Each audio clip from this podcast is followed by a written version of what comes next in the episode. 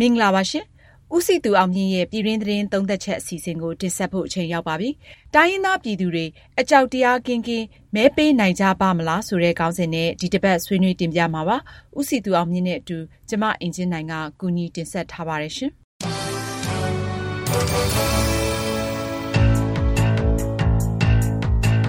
ပြီးခဲ့တဲ့စက်တင်ဘာလဆန်းပိုင်းကအစိုးရနဲ့တိုင်းပြည်လုံးဆိုင်ရာအပြည့်အစာချုပ် NCA မှာလက်မှတ်ထိုးထားတဲ့ RCSS/SSA ရှမ်းလက်နက်ကိုင်တပ်ဖွဲ့ဟာသူတို့အဖွဲ့အုပ်ချုပ်မှုနယ်မြေဒေသမှာရွေးကောက်ပွဲဝင်မဲ့နိုင်ငံရေးပါတီတွေအနေနဲ့ကြိုတင်အကြောင်းကြားဆက်သွယ်ပြီးမှမဲဆွယ်စည်းရုံးနိုင်မယ်လို့ထုတ်ပြန်ကြေညာခဲ့ပါတယ်။အဲဒီကြေညာချက်နဲ့ပတ်သက်ပြီးအဲဒီဒေသတွေမှာရွေးကောက်ပွဲဝင်ပြိုင်မဲ့ NLD အမျိုးသားဒီမိုကရေစီအဖွဲ့ချုပ်ပါတီရော SNLD ရှမ်းတိုင်းသားများဒီမိုကရေစီအဖွဲ့ချုပ်ပါတီကပါလက်မခံကြပါဘူး။ RCSS/SSA ပြောခွင့်ရှိသူဒုဗိုလ်မှူးကြီးအုံခေးက မဲဆွယ်စည်းရုံးရေးဆင်းမဲ့ပါတီတွေကိုအကြောင်းကြားဆက်သွယ်ခိုင်းတာကတားမြစ်ကန့်သတ်တာမဟုတ်ပဲမဲဆွယ်စည်းရုံးရာမှာအခက်ခဲမရှိစေရေးကူညီပေးဖို့ဖြစ်တယ်လို့ဆိုပါတယ်။ရှမ်းတိုင်းသားများဒီမိုကရေစီအဖွဲ့ချုပ် SNLD ပါတီပြောရေးဆိုခွင့်ရှိသူဆိုင်းလိတ်ကတော့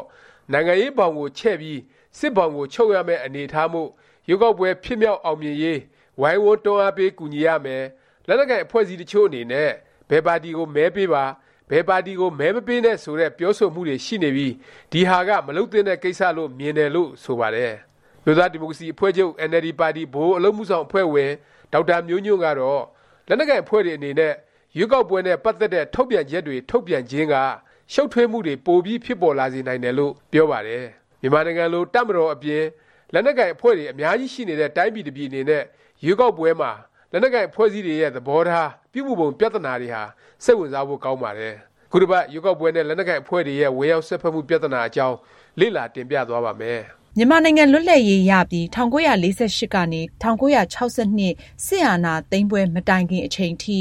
ကျင်းပခဲ့တဲ့ ရွေးကောက်ပွဲတွေမှာ လက်နက်ကိုင်အဖွဲ့အစည်းတွေကနေ ရွေးကောက်ပွဲအပေါ် လွှမ်းမိုးဖို့ စွတ်ဖက်ဖို့ ကြိုးစားခဲ့တာ လက်နက်ရှိသူတွေက လက်နက်အားကိုပြီးနီးအမျိုးမျိုးနဲ့ စွတ်ဖက်တာမျိုး ရှိခဲ့ပါတယ်။တက်မတော်အပြင် လက်နက်ကင်သဘုံတွေ၊ကပိုက်ဆောင် တပ်တွေ မျိုးစုံ ရှိနေတာမို့ ရွေးကောက်ပွဲ အကြိုကာလတွေမှာ ပြည်သူတွေ ပိုပြီး ခြိမ်းခြောက်ခံရလေရှိပါတယ် ၁၉၅၈ခုနှစ်မှာ ရွေးကောက်ခံ ဦးနု အစိုးရဆီကနေ အာဏာလွဲှပြောင်းရယူခဲ့တဲ့ အိမ်စောင့်အစိုးရဟာ ၁၉၆၀ ခုနှစ်မှာ ရွေးကောက်ပွဲကို ဦးစီးကျင်းပပေးခဲ့ပါတယ်။အဲဒီအချိန် နိုင်ငံ့အကြီးအကဲလည်းဖြစ် တပ်မတော်ကာကွယ်ရေးဦးစီးချုပ်လည်းဖြစ်နေတဲ့ ဗိုလ်ချုပ်ကြီးနေဝင်းကနေ သူ့တပ်မှူးတွေကို တပ်မတော်အနေနဲ့ နိုင်ငံရေးပါတီတွေနဲ့ ကင်းကင်းရှင်းရှင်းရှိရမယ်၊ဘက်လိုက်ပါဝင်တာမျိုး မလုပ်သင့်ဘူး၊ရွေးကောက်ပွဲမှာ ကိုယ့်တစ်ဦးချင်းဆန္ဒအတိုင်း မဲပေးနိုင်ပြီး တပ်မတော်ဂုဏ်သိက္ခာ ထိခိုက်စေမယ့် ကိစ္စမှန်သမျှ ရှောင်ကျဉ်ရမယ် ဆိုပြီး အမိန့်ပေးခဲ့ပါတယ်။ဒါပေမယ့်လည်း ရွေးကောက်ပွဲအပြီးနောက်ပိုင်းမှာ ဗိုလ်ချုပ်ကြီးနေဝင်းဟာ ဗိုလ်မှူးချုပ်မောင်မောင်၊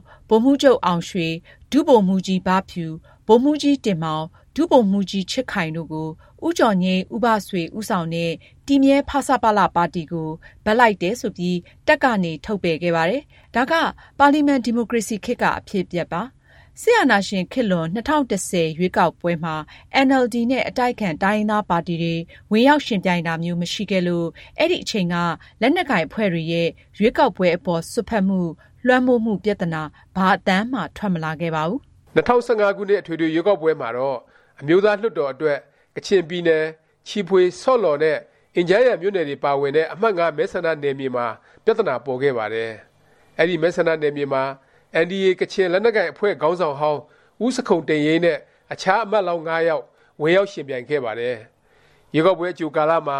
NLD မျိုးသားဒီမိုကရေစီအဖွဲ့ချုပ်ကအမတ်လောင်းတွေကိုကချင်ပြည်နယ်ဝိုင်းမော်ချီဖွေနဲ့ ဆော့လော်မြို့နယ်တွေမှာမဲဆွယ်စည်းရုံးရေးတွေမလုပ်ဖို့ကချင်အထူးဒေသတစ်ခေါင်းဆောင်ဦးစခုံတရင်ကတားမြစ်ခဲ့ပါတယ်။နောက်ကချင်အထူးဒေသတစ်တာဝန်ရှိသူတွေဟာလော်ဝေါ်မျိုးသားစီးလုံးညွတ်ရေးနဲ့ဖွံ့ဖြိုးရေးပါတီကိုပန်ဝါမြို့မှာပါတီဆိုင်ဖို့မထောင်ဖို့မဲဆွယ်ဟောပြောစည်းရုံးတာတွေမလုပ်ဖို့ဆိုပြီးတားမြစ်ပိတ်ပင်ခဲ့ပါသေးတယ်။ဒါတွေမကချီဖွေမြို့နယ်ဘက်စီယိုရေးဆင်းတဲ့